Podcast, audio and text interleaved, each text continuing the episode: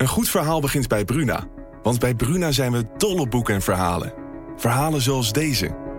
De slagen van de noodklok dreunen over het dorp. Zwaar en dreigend. Ze overstemmen de gemoedelijke drukte op de markt. En alle handelingen vallen stil. Wat zou er aan de hand zijn? vraagt Oda ongerust. Wil jij weten hoe dit afloopt? Je leest het in Bloedlijn van Simone van der Vlucht. Nu bij Bruna. Supersnel kozijnen bestellen? Toeleveringonline.nl. Bestel nu je kozijnen en betaal als zakelijke klant pas na levering. Toeleveringonline.nl. Dit is de politieke podcast van de Telegraaf. Dat zijn van die dingen dat je je afvraagt van welkom in de 21ste eeuw. Je had het over premier Klaver, hè? Zweet het wakker geworden Ja, wel ja, een nachtmerrie vanochtend. Maar, zegt zij, zij je, GroenLinks. Oh, ja. Zij zegt, het was persoonlijk contact. Afhameren met Wouter de Winter en Pim CD. Ja, en een hele goede dag, politiek commentator Wouter de Winter, zeg ik dan altijd. Ik ga niet vertellen in het begin eh, dat ik eh, zondag naar Aladdin ga. Want dat hadden we afgesproken dat we dat niet meer zouden doen. Weet je dat ik vorige week naar huis reed en eh, s s'avonds laat en eh, na het werk en eh, eh, een, een Aladdin-bus tegenkwam. ja, En dat ja. ik gewoon dacht, oh my god, dit is een teken gewoon. Ja. Hij gaat naar A en Barempel, Ja. het is waar. Ja. Oké, tot zover. Tot zover over eh, tot, eh, het politieke geweld van eh, deze week. En laten we gewoon meteen ook maar eh, beginnen. Want het eh, debat eh, over de SMS-gate, dat eh, heeft natuurlijk veel reden om flink over na te praten. Ehm, heeft Rutte nou gelijk of de Tweede Kamer? Is er sprake van een patroon of is er wantrouwen wat zorgt voor dat er meer afstand komt tussen de burger en de politiek? Ja, het, het zijn natuurlijk wel twee verschillende dingen. Want dat, dat laatste is eigenlijk meer beschouwing over het algehele politieke métier momenteel. Ehm, als, je, als je je afvraagt, is er echt wat aan de hand?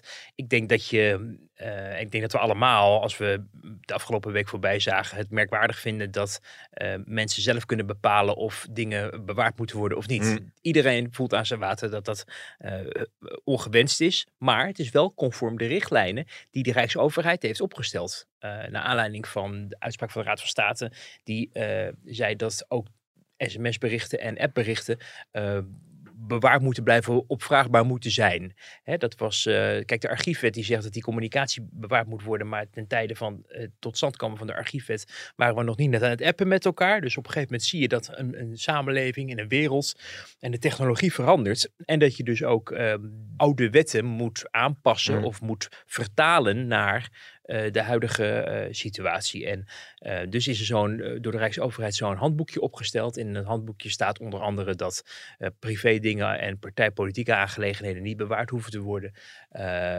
Bestuurlijke dingen dan wel. En dan is vervolgens de definitie, wat is dan een bestuurlijke aangelegenheid? En dan zag je dat, dat nou ja, de ene politicus vindt dat eigenlijk al het contact dan wat een bewindspersoon heeft met een be- collega-bestuurder of een ambtenaar of wat dan ook, dat dan bewaard moet blijven. En een ander zegt weer van ja, maar als de premier zegt oké, of eh, zoek dit even uit, of, of eh, kan je die even bellen of zo, dan is dat niet zo ontzettend Hmm. belangrijk om te bewaren. En dan komt er vervolgens nog zo'n heel verhaal achter van ja, hij was een oude Nokia en dan kon hij maar bepaalde hoeveelheid berichten op bewaren. Nou ja, dat zijn allemaal van die dingen dat ik me afvraag of dat inderdaad allemaal echt zo is. Want, Hoe bedoel je? eh, nou, ehm, ehm, kijk, de, de, de reden waarom de minister-president die Nokia gebruikte, was, ehm, eh, begrepen wij, jarenlang, dan heb ik het over de 6310, dat langwerpige ding met Ja. dat gouden plaatje aan de voorkant, Ja. ehm, of, of goudkleurig. Jij zal hem vast ook ge- gehad hebben. Iedereen Nou, ik, vond het wel, ik vond het wel aardig dat, eh, dat ik zat met eh, de kinderen gisteren aan tafel. Zeiden, papa, die Nokia, Ja, ja. dat was echt een hele, hele sterke telefoon. En daar kon je echt alles op gooien en dan waar. bleef hij nog heel... kon hem laten vallen, maar Ja. vooral de batterij was fantastisch. Ja. En, en de- destijds werd ook door de Rijksvoorlichtingsdienst opgehangen van nou, we doen dit uit veiligheidsoverwegingen, want dit ding is niet te hacken en moeilijk af te luisteren. En daarom liep niet alleen de minister-president mee, maar ook eh, de directeur-generaal van de eh, Mhm. En ik denk zomaar ook eh, nog wat meer mensen daar, bijvoorbeeld de SG of zo. Dus er, waren, er, er was al, al een tijdje sprake van dat dat, ehm, dat was om veiligheidsredenen. En vervolgens zag je dat hij een andere had gekregen, omdat het oude model echt helemaal niet meer eh, te krijgen was. Want ze deden nog echt moeite om dat Oh ja. ding, nou ik wil niet zeggen op de zwarte markt, maar op, op plekken boven tafel te toveren. Maar ehm, dat lukte niet meer. Ook niet als het ding een keer ge- ge- ja, vervangen of ge- gerepareerd moest worden. En het lastige daarbij was ehm, eh, ja, dat, je, dat je dat ding dus nergens meer kon krijgen. Eh, en dus. En, wat ook trouwens een rol speelde, begreep ik, was dat het netwerk op, eh, begreep ik, 2G zat. En dat hebben we niet meer. Jezus. Eh, en daardoor moest hij naar 3G.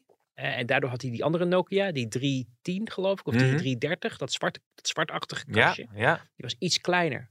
Eh, die had hij tot zeer recent. Ik heb hem daar vorige week volgens mij nog mee zien, zien, zien bellen. En eh, nou, niet appen dan. Dat, dat kan immers niet.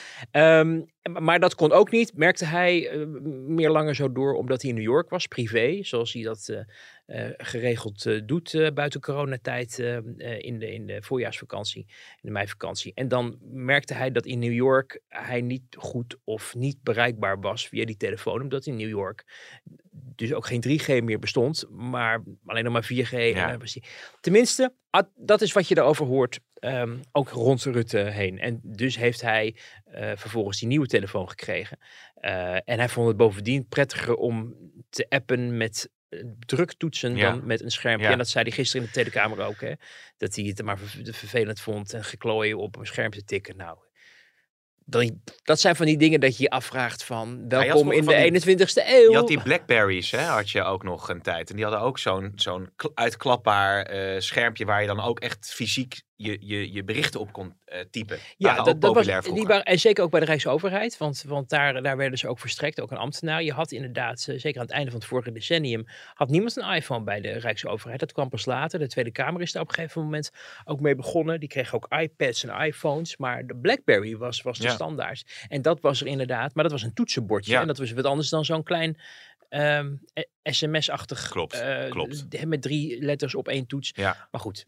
We, we dwalen af, we dwalen af. Eh, maar ehm, misschien moet jij even een goede Nou vraag ja, stellen is, om ons die- weer bij de... nou, het is wel aardig deze inleidende beschieting. En dat mensen zich natuurlijk toch afvragen. Want dit is natuurlijk allemaal een beetje de kern. Hè, van is het nou eh, geloofwaardig eh, dat een Mhm. premier op zo'n eh, oud barrel eh, communiceert? De belangrijkste man van ons land. En dan ook nog geloof ik dat je maar 20 sms'jes Ja. kunt bewaren op, op, op het toestel zelf. Hè? Raar verhaal. En, en ik, ik denk dus ook bij... eh, eh, eh, je moet dus ook... Is helemaal niks geks aan om te kijken of je die regels niet moet aanpassen aan de moderniteit. En dat ook de premier Ja. dan als zich ook aan de nieuwe regels moet houden. Maar er is nog niet sprake op dit moment van het feit dat hij iets heeft gedaan wat niet mag. Nee, en dat maar- is wel belangrijk als het gaat om Ja. vertrouwen. In de Maar, maar het gaat er natuurlijk om, en ik geloof dat de D66 dat ook in het debat van donderdag eh, goed verwoordde. Van ja, hoe kun je de macht controleren als de machthebber zelf bepaalt Ja. welke berichten die met wie deelt? had D66 maar daar dan een punt van gemaakt toen die, toen die eh, richtlijnen naar buiten komen, waar ook alle D66-bewindspersonen zich de afgelopen vier jaar eh, naar hebben gedragen. Weet je, dus eh, soms ontdek je ook dingen in de politiek, denk je, hé, dat is raar, waarom wordt dat niet aangepast? Hmm. En dan moet het aangepast worden. En daar is niks mis mee hoor, want ik, ik, ik zoals ik al zei, eh, een, een, vlager, een slager die zijn eigen vlees keurt, is wel eigenaardig natuurlijk. Je moet, eh, zeker als het gaat om het archiveren van overheidsinformatie en, de, en als de wet dat voorschrijft, dan moet je dat op een betrouwbare en goede manier doen. En dan moet je dus desnoods de regels Ja. veranderen. En als de Kamer daar met het kabinet ook afspraken over maakt, dan is dat denk ik alleen maar toe te juichen. Maar, Maar, ja, maar, nou maar ja, nog even, dus, dus, want dat is denk ik waarom eh, eh, we komen zo uitgebreid te spreken over ook het punt van, eh, van Rutte. Hè? Ja. Maar het, het, het, het gevoel wat ook bij, bij mensen natuurlijk speelt, is van nou, er zit dus een premier, s'avonds eh eh, op zijn kantoortje of op zijn slaapkamer en die heeft zijn berichten en die denkt van nou, dit bericht is wel heel gevoelig, die wist ik even, nou deze die kan ik wel doorsturen, waardoor eh, ja, uiteindelijk hij bepaalt wat er al dan niet eh, bekend wordt over het handelen met de coronacrisis. Eh, nou ja, we hebben natuurlijk wel die berichten met Femke Halsema die uiteindelijk dan wel weer boven tafel zijn gekomen. Mhm. En dat is natuurlijk ook dat patroon waar de Tweede Kamer het over heeft. Hè. Er is wel vaker een beeld van, nou ja, de minister die, die, die zegt wel erg vaak van, oh, dat kan ik me even niet herinneren. Dat Mhm. bericht dat ben ik even kwijt. Over de bonnetjesaffaire. Mhm. Ja, noem het Zeker. maar. En, en, maar daar moeten we dus eigenlijk ook een proloog aan dit hele verhaal vastbinden. Eh, namelijk de omstandigheid dat we verkiezingen hebben gehad. Die verkiezingen werden ruimschoots gewonnen eh, door, door eh, de VVD van Mark Rutte. Vervolgens kwam er een formatie. Nog even, de, de, de, verkiezingen zijn gewonnen door Mark Rutte en Sigrid Kaag heeft vijf zetels gewonnen, extra bovenop de 19 die ze hadden, onder, het, onder de belofte van nieuw leiderschap. Toen kwam er een verschrikkelijk moeilijke formatie naar aanleiding ook van de, de verkenningsperiode, waarin Rutte zich inderdaad dingen niet kon herinneren die binnenskamers even daarvoor wel besproken waren. Daardoor kwam er een soort, ja, uh, bloot te liggen dat er eigenlijk iets niet klopte aan zijn herinneringen of dat hij niet de waarheid sprak of loog. En hij ontkent dat zelf. Hij zegt, ik kan het me echt niet herinneren. Uh, maar daardoor is er een sfeer ontstaan van er moet nieuw leiderschap komen, nieuw elan. Daar heeft Rutte zich ook aan gecommitteerd, radicale ideeën van openheid. Niet dat de verkiezer daarom gevraagd had, want dat was nog helemaal geen, geen, geen item destijds. Ook die hele functie elders discussie, allemaal pas na de verkiezingen gebeurd, gekomen. Maar toch heeft Den Haag zichzelf aangepraat, alles moet anders. En de minister-president voorop, want die heeft ook mensen allemaal beloofd dat, het, dat hij het allemaal anders gaat doen. Hmm. En je ziet nu dat, dat, dat die belofte niet gestand kan worden gedaan, omdat de praktijk weer barstiger blijkt. En omdat hij destijds uitspraken heeft gedaan en, en vergezichten heeft gegeven over hoe, uh, hoe hij dus die radicale ideeën had dat er een open bestuurscultuur, et cetera, et cetera zou komen. Uh, vooral bedoeld om de boel ja, eigenlijk weer aan de gang te krijgen en een kabinet te formeren, want de hele boel lag op zijn gat. Maar je ziet nu dat in die tijd van toch het creëren van hoge verwachtingen eigenlijk nu heeft geleid tot het, eigenlijk het aanbrengen van een eigen en self-inflicting wound, een permanente open wond die, die, die open ligt en waar als er maar dit gebeurt, de oppositie van kan zeggen: hé, hey, maar kijk eens, je hebt dit gezegd en moet je eens kijken wat je de afgelopen tijd hebt gedaan. En natuurlijk is het, ik vond dat ook, dat heb ik trouwens ook tegen Rutte gezegd, dat ik het moeilijk te geloven vind dat je niet meer weet als je het over omzicht binnenskamers hebt gehad, dat het dan dat, dat, dan, dat je je dat dan niet meer kan herinneren als je daar een paar dagen uh, later over bevraagd werd. Ik had ook wel echt verwacht dat het misschien wel einde oefening was geweest nadat, uh, of rond die 1 april van dat, van dat debat. maar ik vind het ook aan de andere kant niet zo raar dat als jij, wat is het, bijna 12 jaar premier bent, 13 jaar, 12, 13 jaar premier bent, dat het soms ook best lastig is om te herinneren. Havitja je... zei hij dat bijvoorbeeld over. Hè? Dat is vijf jaar geleden. Dat weet ik allemaal niet meer precies. Nou ja, en dat is destijds ook in de Kamer allemaal uitgesproken. En toen hebben de mensen daar, toen is hij, hij is toen ook niet weggestuurd. Maar dan gaan mensen achteraf zeggen, ja, maar toen heb je ook gelogen. Terwijl dat dus destijds niet is vastgesteld. Want, hè? Dus dan wordt het wel erg ingewikkeld. En dan, ja, dan, dan heb je dus een, ja, een giftige cocktail van een uh, minister-president die het land en ook de oppositie, maar ook ja, de bevolking bepaalde verwachtingen heeft gekweekt. Uh, zelf ook heel erg langer al zit, dus ook krassen oploopt en ze alleen maar verzamelt. Uh, en tegelijkertijd, en dat is de politiek natuurlijk, de man die nog steeds helemaal bovenaan uh, het landsbestuur staat. En die ook nog in de laatste peilingen nog steeds onverslaanbaar lijkt. Ja. En dat geeft mensen voortdurend inspiratie om er alles aan te doen om daar een einde aan te maken. en dat verklaart ook waarom mensen met grof geschut schieten in de, in de Tweede Kamer. In elk geval geval liet Rutte donderdag in het debat blijken dat hij er gewoon klaar mee was. Uh, met uh, elke keer weer die kritiek. Elke keer weer, hè, Klaver die zei het ook. Uh, het patroon dat er al dan niet was. En dat zei hij als volgt. Als dat vertrouwen er niet is, dan hoort dat van de Kamer. Dan ga ik andere dingen doen. Als u daar een patroon in ziet, is dat een keus van de heer Klaver. Dat hij daar een trend in ziet. En het patroon waar ik het van A tot Z mee oneens ben. Maar ik vind het prima dat de heer Klaver mij dat aanwrijft. Maar ik heb van A tot Z gehandeld in de geest van de wet. Ik keek er vooral van op dat er uh, de vertrouwensvraag werd opgeworpen. Hè, want dan ga ik wat anders doen uh, door Rutte. Ik dacht wel bij mezelf, nu wordt er echt met, met, uh, met scherp geschoten.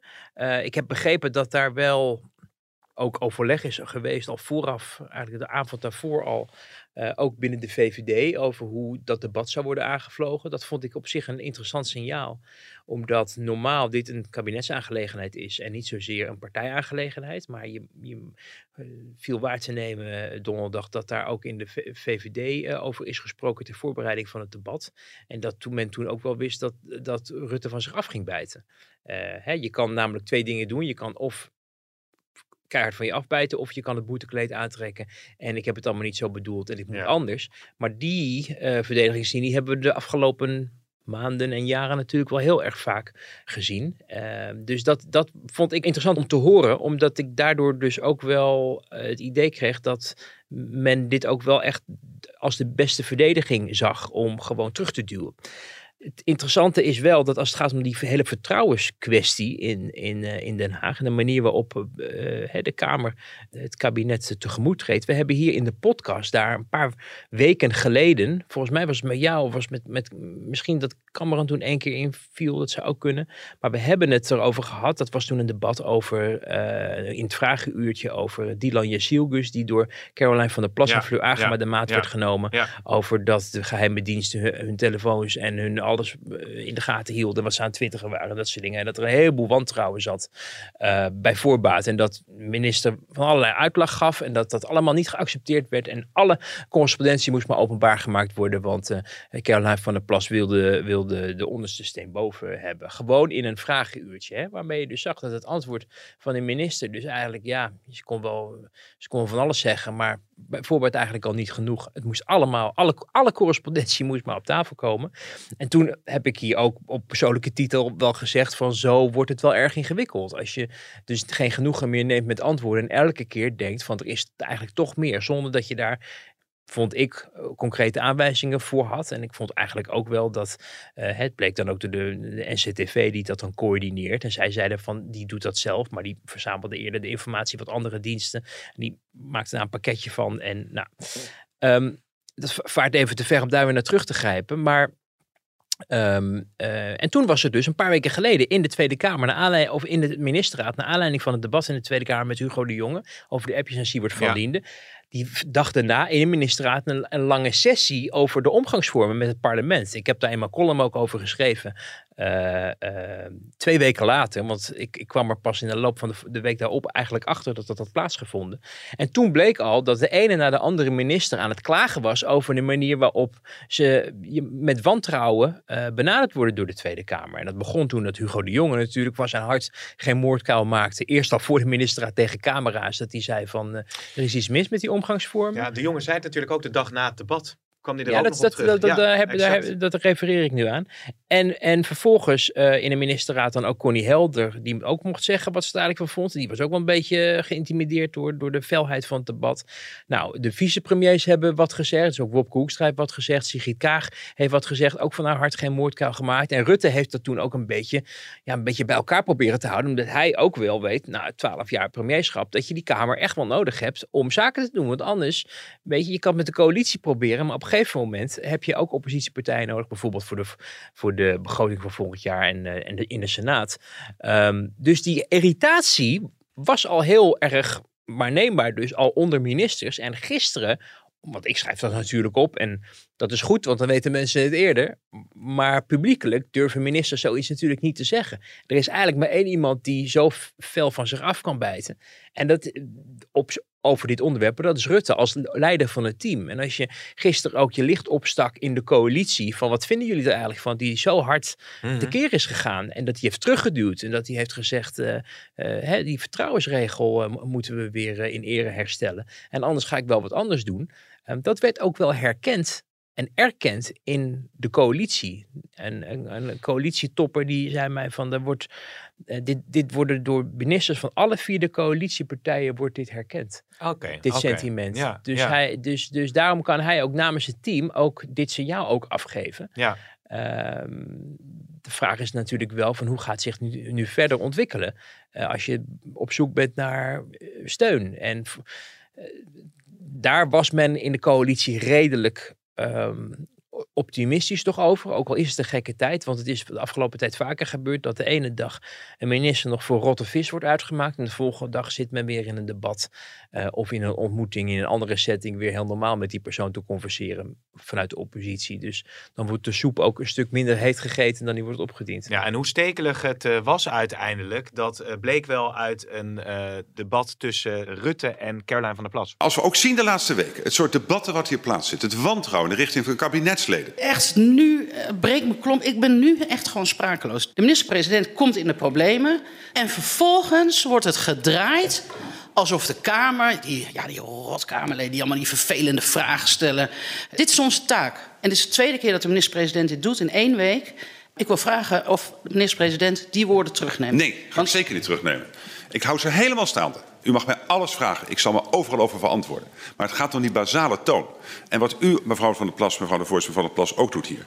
is zeggen, zie je wel, er is een patroon. En dat is natuurlijk zo vals. Want wat je dan doet is zeggen, joh, je krijgt de kans niet eens meer om al die aparte momenten die wij beschouwen als onderdeel van het patroon te verdedigen. En ik ga daar echt hier vandaag ook in dit debat eens een keer flink tegen in. En dat zal ik ook blijven doen. Ja, dat was toch wel een heel opvallend eh, fragment. Ja, ja, zeker. En overigens dacht ik, nu ik het ook weer terughoor, um, ook dit is wel aangekondigd, hè, uh, dat het zo uh, zou gaan gebeuren. met die nieuwe bestuurscultuur. Dat moet ik ze dan toch wel nageven. Um, ze hebben gezegd dat het vaker pittig zal knetteren tussen coalitie of tussen de Tweede Kamer en het kabinet. Ja. En dan blijkt dat niet auto automatisch de hele Tweede Kamer te zijn, maar de, in dit geval dus de oppositie. Maar dat ook een kabinet van zich afbijt, uh, is, is wat dat betreft uh, iets wat je niet op deze manier vaak ziet gebeuren. Maar wel onderdeel van uh, op zich misschien ja. gezond dualisme. Alleen de vraag is, hoe houdbaar is het op de langere termijn als je toch naar allianties op zoek moet voor je voorstellen. Uh, en tegelijkertijd ook, en dat aspect is denk ik iets onderbelicht gebleven in de afweging van hoe de nieuwe bestuurscultuur eruit uh, moet zien. Namelijk, hoe gaat uh, de bevolking ja. toekijkend hierover oordelen? Nou, ik, ik, het is wel, wel aardig vanuit de eigen woonkamer een verhaal. Zat je niet op kantoor te nou, kijken?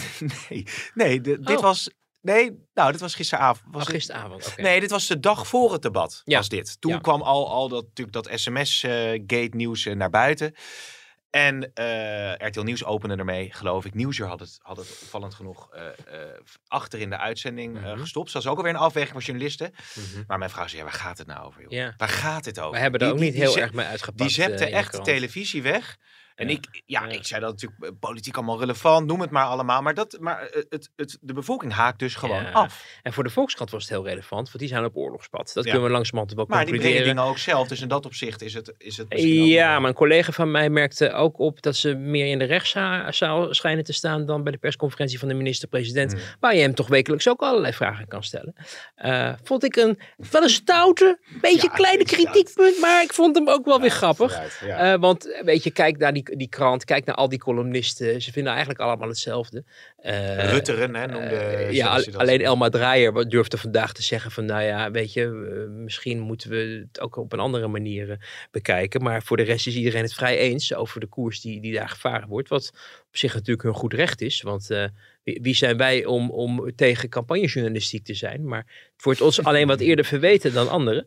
Eh, maar inderdaad, eh, hoe kijkt de bevolking hiernaar? En daarin is denk ik toch de afdronk niet zozeer van ja, die Rutte met die sms'jes, maar meer van wat een puinhoop, wat een puinzooi is het in Den Haag. En ze zijn alleen maar met zichzelf bezig. Ja, En dat is wel echt een oorlog kwetsbaarheid. in Oekraïne, hè, koopkracht eh, staat onder grote druk. Zeker. Ik, eh, ik, ik vind overigens, we hoeven niet te. Want er was laatst ook weer zo'n hele rel bij zo'n talkshow van de.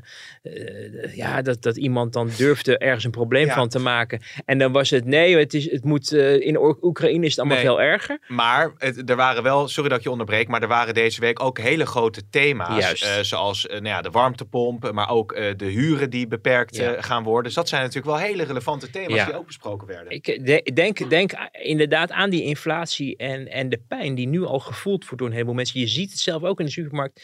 Ineens kosten dingen veel meer dan ze eerder. Ik zie het zelf ook gebeuren. Ik denk, oh, nou ja, en, en ik ben dan in een gelukkige omstandigheid dat, het, dat ik die boterham niet hoef te laten liggen, maar andere mensen wel. En, en dat is echt pijnlijk voor mensen. En daarin wordt in de Tweede Kamer toch heel makkelijk aan voorbij Ja. gegaan. En, en eh, een, debat inruimen, zes uur duurde het. Er zouden eigenlijk zou er over Ja. digitale zaken gesproken worden. Me dunkt dat de overheid daar ook nog heel wat herstelwerk te verrichten heeft, ook in eigen eh, kring. Maar je ziet wel dat Den Haag weer heel erg met zichzelf bezig is. De echte boze politieke confrontaties richt op de betrouwbaarheid van Rutte of zijn collega's. Terwijl het natuurlijk eigenlijk zou moeten gaan eh, over, over toch met z'n allen proberen om het land beter te Ja. maken. En eh, al die andere dingen. Ik, bedoel, ik zeg niet dat het niet belangrijk is om over de informatievoorziening te spreken. En want dat moet ook gebeuren. En als daar verbeteringen eh, voor mogelijk zijn. Ik kan me heel goed voorstellen dat je extra ogen laat meekijken. En dan dingen archiveert eh, op een goede manier. Waar iedereen mee kan leven. Eh, maar er zijn ook nog dingen die, die, echt nu heel erg belangrijk zijn om, om de aandacht op te richten. Ook over de toeslagenaffaire, over de jeugdzorg, over de inflatie. Nou, de, de veiligheidsbeleid is, is ook een, eh, een onderwerp. En zo zijn er eh, stikstof, wordt een gigantisch drama. Er kan geen spa meer in de grond om huizen te bouwen. Daar moeten mensen in Ja. wonen. Wat dat betreft is de rol van de SP natuurlijk wel heel interessant. Hè? Want aan de ene kant maken die zich hard voor de slachtoffers in de eh, toeslagenaffaire. Ehm, ze zeggen natuurlijk ook te, te willen opkomen voor de mensen die het minder hebben. Maar ze zijn ook eh, een van de meest geagiteerde partijen als het juist gaat over dit soort eh, debatten. Ze zitten daar eigenlijk ook een beetje in, in verdraaid, eh, zijn ze erin geraakt. Omtzigt is natuurlijk ook iemand hè, die, die, die ook vol op het orgel gaat in, het, Ja. in de clash met... Ja, maar goed, met- Omtzigt heeft natuurlijk ook zijn eigen trauma's te verwerken met betrekking tot, nou ja, wat er wel of niet transparant genoeg gebeurt. En het omzichtmodel kan hij heel, zoals dat in het kabinet althans noemen, het omzichtmodel om, om de hele tijd alle Oh ja? informatie maar te eisen en, eh, en, en feiten gelazen. En je ziet ze het allemaal, de mindere goden in de Kamer zie je het allemaal kopiëren. Dan gaan ze ook ineens, willen ze alle, alle, alle informatie op tafel hebben en de feiten Volt pakt gelazen. dat ook een beetje op, hè? Echt, thema. ja, die- iedereen die doet, die doet een omzichtje. Ehm, maar goed, ik, zou, ik, ik heb toch het meeste vertrouwen in de meester zelf. Wat dat betreft, eh, dat, dat hij dat eh, op zich eh, toch het meest effectief kan doen. Maar goed, hij heeft ook zijn eigen afwegingen, zijn eigen verleden draagt hij met zich mee. Om er op een bepaalde manier in te vliegen in Ja, zo'n maar het is toch geen traumaverwerking? Tweede Kamer is toch geen traumaverwerking? Nou ja, het is, toch, het is voor hem wel een trauma geweest. Maar zo, iedereen, ja nee, dat snap ik. Maar iedereen lijkt bezig met, met dat trauma. Nou, iedereen ziet een politiek winstmodel. Ja. Dat is iets anders. Ja. Ik weet niet of mensen het al. eh, me- Maar is het een eh, politiek Mensen zijn niet bezig met het trauma van, van omzicht. Nee, mensen denken: hé, hey, als jij op deze manier de, de, de, de- met gestrekt been erin gaat, dan gaan mensen op je stemmen. Ja, maar iedereen heeft een trauma opgelopen. Of veel partijen of politie hebben een trauma opgelopen. Na, naar aanleiding van die hele functie, functie elders. Nou, ik vind. Nee, dat De, ik vind, het achtervolgt D66 toch ook nog steeds. En om zich die heeft er, die, ja, die, die, die, die pakt het elke keer weer op tijdens hoezo, de hoezo achtervolgde D66? Nou ja, in die zin omdat naar aanleiding, hier scheiden onze wegen, wij beloven eh, eh, een nieuwe bestuurscultuur, et cetera. Dat is allemaal naar aanleiding van die verkennisgate geweest. Ja, oké, maar ik, ik, ik richtte me meer op van wat om zich persoonlijk heeft meegemaakt in al die debatten dat over hem ging en dat hij Ja. er niet aan, aan mee kon doen. En, en ehm, hoe hij las dat er over hem in de ministerraad gesproken werd en partijgenoten het had over sensibiliseren en dat soort zaken. Dat die persoonlijke ervaring en die, wat ik dan maar even als een trauma omschrijf, Ehm, die hebben al die andere partijen niet. Die zitten daar om een andere reden. Eh, en die, die gebruiken zijn model om een andere reden. Namelijk Ja. om er politiek zelf een staatje uit te Ja. En, en dat zie je gewoon heel duidelijk gebeuren. Alleen, zoals ik al zeg, Omtzigt doet dat, doet dat een stuk behendiger en effectiever. En denk ik ook terechter dan, dan een heleboel anderen. Die maar mogen hopen dat ze ooit zoveel kiezerspotentieel zullen genereren als Pieter Omtzigt eh, doet. Ehm, dus dat zie je, vind ik wel eh, heel duidelijk gebeuren. Ehm, Maar als uiteindelijk er weer zoiets opkomt om dit nu af te ronden, eh, waaruit blijkt dat, dat Rutte zijn herinnering niet helemaal scherp heeft, of er misschien nog correspondentie is geweest die, die, die niet, eh, die op de een of andere manier verloren is gegaan, al dan niet, dan, dan zal die, als hij is wel enigszins gebond geraakt, toch? nee. Net als Hugo de Jong. Of is dat, is dat Nou, uiteindelijk niet ik zo, vind in jij? Deze, in deze zaak vind ik het toch iets anders. Omdat ik toch denk van, eh, moet wel, hij moet, je moet hem wel kunnen voorleggen dat hij iets verkeerd heeft gedaan. Maar dat is niet, er is, hij heeft volgens de richtlijnen gehandeld. Kan je zeggen, die richtlijn deugt niet. En hoe kan hij zijn eigen sms'jes gaan, gaan eh, eh, ehm, beoordelen of ze wel of niet bewaard moeten worden? Ben ik het helemaal mee eens. Het is natuurlijk een beetje raar als de slager zijn eigen vlees keurt. Maar als, als dat tot nu toe is het nog niet eh, Is- duidelijk geworden. Geen, rotstuk vlees gevonden. Nee, dat hij een, een sms heeft verwijderd. Halsema, die, dat Halsema is een kwetsbaarheid. Maar het grappige is, en het is aardig dat je dat even aanhaalt. Want eh, toevallig was... Ik heb je eh, nodig, Mark. Weet je, je laat me in de steek nu. ja, dat sms-contact, hè? Van, Ja. eh, van dat, dat- ik heb daar dus op een gegeven moment, ben ik daar zelf achter gekomen dat dat ge- is gebeurd. Daar heb ik een column over geschreven. En dan heeft vervolgens onze collega Mike Muller, die toen nog op, in de Amsterdamse eh, gemeentepolitiek verslag deed, heeft daar een WOP-verzoek voor ingediend. Omdat ik dat had opgeschreven, want ik had dat begrepen uit mijn netwerk. En wat er dan vervolgens gebeurt, is dat eh, ook in, het, in de Amsterdamse gemeenteraad daar Halsema naar bevraagd werd, zij heel schamper reageert van ja, maar het ligt natuurlijk maar wel aan welke krant je leest of de informatie ook wel klopt. Die Kevin Kreuger van Ja 21 had dat wel uh, heeft vastgehouden. En toen moest ze inderdaad bekennen dat er contact is geweest. Maar, maar, zegt zij, zij je, GroenLinks. Oh, ja. Zij zegt, het was persoonlijk contact. Ah, kijk. En nu is de Kamer boos en Ja. suggereert, ja, maar dat sms'je en die Ja. sms-conversatie had bewaard moeten blijven, Ja. want dat was bestuurlijk. Ter- Jesse Klaver, GroenLinks, hè, schande, schande. Terwijl dus, dus Halsema zelf die over- informatie niet wilde vrijgeven. Terwijl het ministerie van Algemene Zaken bananend is door Halsema. Want als je dat soort gesprekken eh, vrijgeeft, dan, dan moet altijd ook toestemming gegeven worden aan degene die aan de andere kant van de lijn zit. Algemene Zaken, het ministerie van Rutte, heeft toestemming gegeven om die app of die sms-conversatie te openbaren. Zelf hadden ze hem niet meer.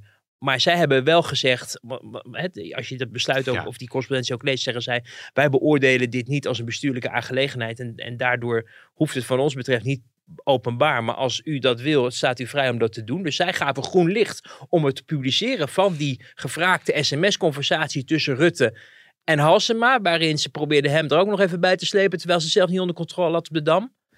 En vervolgens zegt zij, het is persoonlijk, dus het hoeft niet. Ja, nee. Sorry ik- hoor. ja, Dus dan, dan kan je met de beste wil van de wereld proberen. Ja, die Rutte. Maar zij gaven toestemming. Ja. Halsema hield het tegen. En nu zeggen ze, ja, het was... Eigenlijk corrigeren ze ook de, de burgemeester van Amsterdam. Want die zeggen, het was niks persoonlijk. Het was een bestuurlijke nee. aangelegenheid. Wat is persoonlijk, wat moet openbaar? De druk van de Tweede Kamer wordt steeds groter. Als je trouwens wel wilt communiceren zonder dat iemand het ooit te weten komt. Hè? Hoe doe je dat nou nu het beste als politicus? Het via de telefoon, Ja. bellen. Ja. Want dat is dus ook het rare. En daarom, ehm, eh, en ik wil wat dat betreft ook wel een beetje meeleven eh, met, met, met, eh, met de bestuurders en de ambtenaren. ehm, of ze nou in het kabinet zitten of in gemeente actief zijn, want die vallen ook onder, dit soort regelgeving. Als jij je werk doet en ehm, je moet je de hele tijd van vergewissen dat alle correspondentie die jij hebt openbaar kan worden gemaakt, dan kan je dat ook beperken, zeker als er een crisis is, om eh, ja, van je hart geen moordkuil te maken of, of toch andere Ja. dingen een rol te laten spelen in wat je communiceert. Daardoor kan er ook ruis op lijnen ontstaan natuurlijk. Hè? Want als je niet alles wat je eigenlijk wil Ja. durft op te schrijven, ja, omdat je bang bent dat het ooit wel eens in het... Bijvoorbeeld in, over een Siewert of zo. in hindsight, eh, drie jaar later boven tafel komt en dat mensen zeggen, hoe Zie heb je je dat ooit kunnen appen en wat, wat ben jij voor figuur? Eh, dat maakt het, le- het leven wel ingewikkeld. En ik denk dat geen enkele Nederlander graag zijn, zijn telefoon ter beschikking wil stellen van een ander om te kijken wat hij allemaal eh, in zijn telefoon heeft staan. Maar goed, bestuurders worden aan een hogere grens eh, onderworpen en, en dat is misschien ook wel goed. Maar het gekke is dat er dus een heel belangrijke hiaat in is, namelijk dat je wel gewoon kan bellen met elkaar. En dat wordt niet opgenomen. Nee. Dus, dus als jij, en dat merk ik in Den Haag ook, als ik contact zoek met bepaalde bronnen en, en, en dan eh, appen ze tegenwoordig niet meer terug. Maar dan gaan Ze ze, be- bellen, bellen terug, Ja. omdat ze zeker weten dan dan. En je appt ook niet dat je gaat bellen. Want als je al appt dat je gaat bellen, dan kunnen ze in de Tweede Kamer zeggen... ja, maar wat werd er Wat toen telefonisch besproken? Ook dat. Ja, nou, ook dat dat. is echt, ja. ja. maar, en dus dat geeft ook aan van dat, je, dat dit, dit systeem en ook niet nieuwe regels over het bewaren van sms'jes of appjes, zal ook aan deze hiaat niks Ja, doen. dat doen Dus in dan, Scandinavië geloof ik, hè? Of in Noorwegen of zo. Dat daar schijnbaar een beter systeem is in het bewaren Omdat van... daar gaat, eh, maar, eh, maar goed, je kan daarvoor kiezen. Ik, het enige wat ik pro- probeer aan te geven is dat het niet eh, daarmee nee, eh, waterdicht is. Nee, nee, nee. En, en, en dan zoeken mensen, en misschien heeft Rutte dat ook wel gedaan met die sms'jes, van ik verwijder het. eh, en dan kan je er schande van spreken. En Ja. dat, maar Het is conform de richtlijnen. mensen zoeken mogelijkheden om, Ja. om, om toch, eh, ja, misschien toch wat meer vrijheid Ja. te krijgen. Omdat ze zich anders heel erg ook eh, bekeken voelen. Eh, en dat is, ja, je kan er van alles van vinden. Maar ja, ik vind het, blijf Nou. het opvallend vinden dat er dus, er blijft een hiaat zitten. En iedereen doet alsof dat En- niet bestaat. En ook de partijen die moord en brand eh, schreeuwen over dat de premier dit doet, zullen zich in hun eigen functioneren daar ook schuldig aan maken of daarmee werken. Iedereen doet het. Als, Denk als ik. premier Klaver morgen het land bestuurt, dan heeft hij met dezelfde uitdagingen te maken. En dezelfde beperkingen. En, en eh, weet je, het, het ligt dus niet per se aan de, aan, aan de politicus die er zit. Mind you, het gaat dus ook niet alleen maar om eh, het vermeende uitgesproken wantrouwen richting Rutte, maar ook alle andere bewindspersonen krijgen daar de afgelopen Ja. weken natuurlijk Ja. ook mee te maken. Ja, En zullen daar misschien de komende weken nog mee te maken krijgen. Dus het probleem raakt niet alleen Rutte, maar Rutte is natuurlijk als eerste aan de beurt, want hij is eh, eh, ja, ja, toch de, de man to beat. Dus die wordt het hardst aangepakt. Heel fascinerend dit. En ja, ik, er, zit, er zit zoveel in mijn hoofd. Maar dat is ongetwijfeld de komende weken en maanden hoe in voelt dat nou? politiek weer- Ja, gekkenhuis, gekkenhuis. maar je had het over premier Klaver, hè? Dus ik kunnen nog even heel nou, kort... ja, ik had ik zweet het wakker geworden, Ja, ja, ja. nachtmerrie vanochtend. Dus, eh, Nou, want, want eh, ik liep di- di- dinsdag eh, eh, door de wandelgangen en toen kwam dat nieuws op dat er een referendum eh, gaat komen over eh, een, een, fusie, een fusie of samenstemmen in de Eerste Kamer tussen P van de A en GroenLinks. Dus ik denk van ja, ik hou hem toch even de microfoon onder, zijn, eh, onder hem en kijken hoe hij daar nou op reageert. Eh, en toen kwam er het volgende. Maar is dat dan misschien een mislukking of niet gelukt om leden te overtuigen als uiteindelijk toch een meerderheid van de leden zou zeggen we zien het niet zitten? Ik heb er alle vertrouwen in. Omdat ik eh, met alle leden en alle mensen die ik spreek, zien ze dat die verdergaande samenwerking echt heel belangrijk is. En dat samen een, een vuist vormen, ook in die Eerste Kamer, ertoe kan leiden dat we Nederland eh, eerlijker, menselijker en duurzamer maken. Daar is het ons om te doen. Nou, Arts Kuikens zit het ook zitten. En dat moeten we aan Adje Kuiken vragen. In hoeverre eh, is Klavers persoonlijke lot hieraan verbonden? Want hij stuurt nu heel scherp aan op verdere samenwerking met de P van de A. Maar stel nou dat uit het referendum zou komen dat ze het bij GroenLinks niet zien zitten. Ja, hij zegt we gaan gewoon weer verder, dan, dan kijken we weer. Maar het is wel een hele specifieke koers die er natuurlijk voor staat met GroenLinks. ja, want GroenLinks wil heel graag. Ja, ja. Want die ko- komen er na, na de 59ste koerswijziging onder de partijleider Klaver wel achter dat het handiger is om eh, een partij op te zoeken die echte idealen heeft eh, en overtuigingen. En de PvdA is, is dat zeker. Eh, dus vanuit hun veel enthousiasme. Eh, zij kunnen potentieel groter worden als partij. De PvdA, zo wordt gevreesd bij diverse PvdA-prominenten, beperkt zich juist als ze zich met GroenLinks gaan verbinden, omdat dat dusdanige radicale partij is met radicale elementen, dat mensen dat afschrikt en dat ze zich daardoor niet bij, bij, bij zo'n fusieclub willen aansluiten. Maar ehm, het zou raar zijn als Klaver dit niet zou eh, voorstellen zonder dat daar ook enige afstemming over is met de PvdA. Er is natuurlijk ook op het moment dat die, ehm, eh, die raadpleging gehouden wordt, eh, ook een PvdA-bijeenkomst waarin mensen dingen mogen vinden. Als je PvdA spreekt, ja, het enthousiasme voor een fusie is- is misschien wat elders buiten Den Haag wat groter. Hè, je zag natuurlijk die ingezonden brief van eh, eh, Marjolein Moorman, de lijsttrekker in Amsterdam, en Frans Timmermans, de eurocommissaris. En niet zozeer op de inhoud, maar heel erg op het verkrijgen van macht. Daar is het de meeste mensen kennelijk om te doen eh, bij die club. En ehm, ja, ik, ik spreek ook veel PvdA'ers die echt wel moeite hebben om zich mm, ja, aan, bij GroenLinks aan te sluiten. En hoe ga je dat eigenlijk doen met één gezamenlijke lijst in de Eerste Kamer? Wie wordt de, fractie, eh, wie wordt de fractievoorzitter, maar wie wordt de lijsttrekker? Wordt het dan Meili Vos of Paul Roosemuller? Of een hele nieuwe persoon? Maar ja, hij zal toch uit een van die twee bewegingen moeten komen. Of zij natuurlijk. Ja, Oeh. ja. Uh, dus ja, dat wordt nog heel wat. Maar er wordt ook echt wel rekening mee gehouden dat, omdat ook de PvdA op die bijeenkomst eh, wel uh, uh, met voorstellen gaat komen om, om tot een één lijst te komen of om die samenwerking verder te in, in, intensiveren, dat die partij daar wel mee in gaat stemmen. Maar zelfs uh, de meest doorgewinterde PvdA-leden vinden het moeilijk om te voorspellen wat er gaat gebeuren. Uh, dus dat wordt nog heel interessant om te kijken ja, hoe dat ja. zich gaat voltrekken. Overigens, weet je, in de gemeente gebeurt het al. Hebben ze al heel veel gezamenlijke lijsten. PvdA GroenLinks, soms één, één club. Dus het, dichter bij huis is het, is het een stuk minder beladen. Ja, maar dan begin je bij de gemeente, dan ga je naar de Senaat en dan uiteindelijk in de Tweede Kamer. Uh, ja, ja, dat is dan. Of ze werken uh, natuurlijk al intensief samen. Dat, dat, dat, zou, ja, ze, ja, dat zou dan kunnen. Maar um, het is heel moeilijk om in te schatten. Mijn voorzichtige um, um, voorspelling zou zijn dat, ze, dat, dat het toch wel tot iets van een gezamenlijke lijst gaat komen. Omdat ik met alle respect niet meer denk van ja, wat, wat, stelt, wat stelt nou je samenwerking voor dat op het moment dat elke keer de vraag op tafel ligt, ga je het samen doen? Dat je dan koudwatervrees ja. toont. En dat zagen we natuurlijk al toen ze met elkaar uh, de onderhandelingen voor het kabinet ingingen.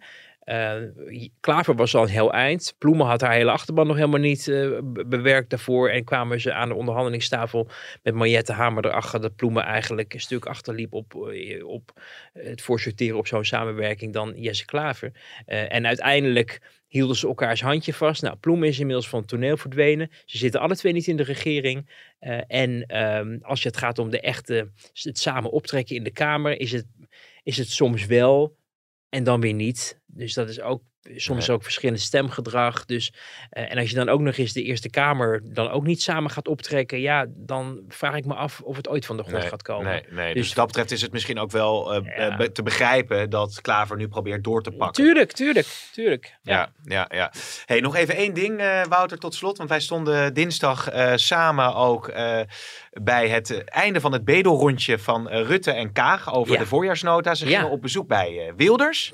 Nou, dat, ja, ik, ik, ik heb het gewoon weer genoten van, eh, van dat schouwspel. Want Rutte had eh, vooraf, of eh, Wilders had voorafgaand gezegd dat hij vieze Hema-koekjes ging klaarzetten. Nou, ze zagen er heel Rutte. vies uit. Ja. Van die likkoekjes, Ja, weet je. die likkoekjes, Dat je als kind, dat je dat, oh, een koekje. En dan, ging je, en dan denk je, oh, het is bitter, het smaakt naar koffie. Maar Wilders zei dat Rutte die koekjes schijnbaar dus heel lekker vindt. Uiteraard, want Ja. maar ik weet ook niet of het echt zo is. Maar ja, nee, hij had dus een schaal met koekjes neergezet en een, koekje, een schaal koekjes voor en een schaal koekjes na. En er lag nog maar één koekje op. En het is waar, Rutte, Ja. die, die is gek op koekjes. Ook, ook na eh, de ministerraad drinkt hij nog een kopje koffie en dan worden alle schoteltjes van iedereen die zijn koekje niet op heeft, worden leeggeroofd. en dan, dan eet hij het op.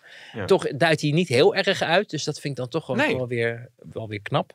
Want ze zeggen wel eens dat als je geen koekjes eet een jaar lang, dat je dan eh, drie kilo. ja, maar eh, hij maakt dat heel veel kilometers op een dag wandelend. Misschien. Maar goed, ehm, ja, eh, er is wel over gesproken over hè, wat vindt de PVV belangrijk. Maar je weet van Wilders, eh Ja. gestrekt been, wegwezen jullie, treed me af. Dat is het belangrijkste Ja. wat jullie kunnen doen. En toen kwamen ze uiteindelijk dus naar buiten. Eh, daar stonden wij, eh, Rutte en eh, Kaag, op te wachten. En toen was ik toch wel benieuwd, omdat Rutte altijd zoveel vrolijker kijkt, wat er nou achter zit. Dan heb ik altijd een beetje het idee dat u wat meer ervan geniet, of in ieder geval een grote glimlach heeft, en dat u er wat minder vrolijk bij kijkt. Nee, maar dat is onzin. We vinden allebei ons werk leuk. We hebben allebei onze eigen manier van eh, hoe dat dan weer overkomt. Maar volgens mij, ik zie geen verschil tussen ons tweeën. Nee, absoluut niet. Ieder zijn eigen manier van spreken en doen. En Ja. de premier is een eeuwig optimist. En, eh, dus dat En u is bent helemaal- een realist? Eh, ik ben eh, ook optimistisch, maar misschien niet altijd zo, eh, zo extra, Niet zo extrovert. ostentatief misschien. Ja, ik weet nou steeds niet wat hij daar nou zei. Op, statief, op, Os- ostentatief of, of zo, zou dat het Ik zijn? weet het niet. Wat betekent dat? Ja, dat ehm, is de kijkersvraag. Oké, dus de en de winnaar die mag met mij mee naar, eh, naar Aladdin in ieder geval. Maar ja, dit, ja dit, is, dit was natuurlijk ook een beetje ge- eh, in- geïnspireerd door jouw eh, column over het al dan niet genieten en hoe leuk eh Sigrid Kaag haar baan vindt. En ze zei dat ze het heel leuk vond, maar ze keek er toch een beetje strak bij. Nou, ik, ik, ik, wat we, de signalen die we nu meekrijgen over de voorjaarsnota zijn, zijn wel interessant. Omdat je wel ziet dat ze weliswaar, en dat wordt nou, uit de coalitie aangegeven, eh, dat rondje hebben gemaakt. Maar eigenlijk de belangrijkste dingen al in de grondverf hadden staan. eh, Die ze nu naar buiten gaan rijden. Maar die opvallende overeenkomsten vertonen met wensen van die partijen die ze bezocht hebben. Hmm. Als het gaat om huren, als het gaat om minimumloon en nou, nog wat andere dingen ook. En ehm, bijvoorbeeld het snijden in eigen vlees, hè, de fondsen. Ja, 21 wil het hele stikstoffonds het raam uit. Nou ja, dat is natuurlijk een, dat, dat, dat gaat natuurlijk niet gebeuren. Eh, maar er is heel lang, ook in de coalitie, achter de schermen ook aangegeven. eh, bijvoorbeeld door een partij als D66, van we, we, we gaan niks aan het Ja. klimaatfonds. want Daarom hebben we meegedaan in deze coalitie. En als we daarin gaan snijden, dan is er voor ons niet zoveel aan meer. Eh, nu krijgen we dus berichten. Vandaag wordt het, ik denk, officieel naar buiten gebracht. We hebben natuurlijk ook van de week al een mooi verhaal op de voorpagina over kunnen zetten. Dat er wel degelijk Ja. gesneden wordt in eigen vlees. Belangrijk ook, want anders kan je dit hele pakket denk ik ook niet aan de burger verkopen. Eh, maar je ziet dus dat ook al hebben die partijen gezegd eh, publiekelijk van het heeft allemaal niks opgeleverd. Eh, en dat hoorde je trouwens ook in de coalitie van die exercitie was eigenlijk niet nodig. Want we hebben deze dingen die zij ook hebben geroepen in het publie- publieke domein, hadden wij min of meer zelf al bedacht of op voorgesorteerd. Dus dan gunt men elkaar het succes ook weer niet. Eh, ik weet niet of ze volgende keer nog zo'n tour gaan maken. Je kan zeggen het hoort bij de nieuwe bestuurscultuur, maar eh, de minister van Financiën en de minister-president hebben wel wat anders te doen. Daarbij partijen te komen die van tevoren al zeggen, ja, je krijgt wel koffie en ja, tenzij die voor de koekjes komt, maar Ja. die, hebt, die kan hij volgens mij zelf ook al betalen. Eh, dan is het toch wel heel erg voor de bühne. En je merkt ook, de belangstelling voor de visite bij Wilders was, Ja. toen wij stonden, er stond nog iemand van de nieuwe Rotterdamse Courant. Ja, En, eh, eh, en dat was het. Dus, dus ja, ja. Ja, nou ja, goed. Zullen we maar een punt achter zetten dan voor deze podcast? Ik doe volgende week een verslag van eh, de musical. Nou, hoe het allemaal is geweest. En er Ja. wacht ons ongetwijfeld weer een hele mooie ik politieke echt week, nu, nu al iets om naar uit te kijken. Zo is het. Dankjewel.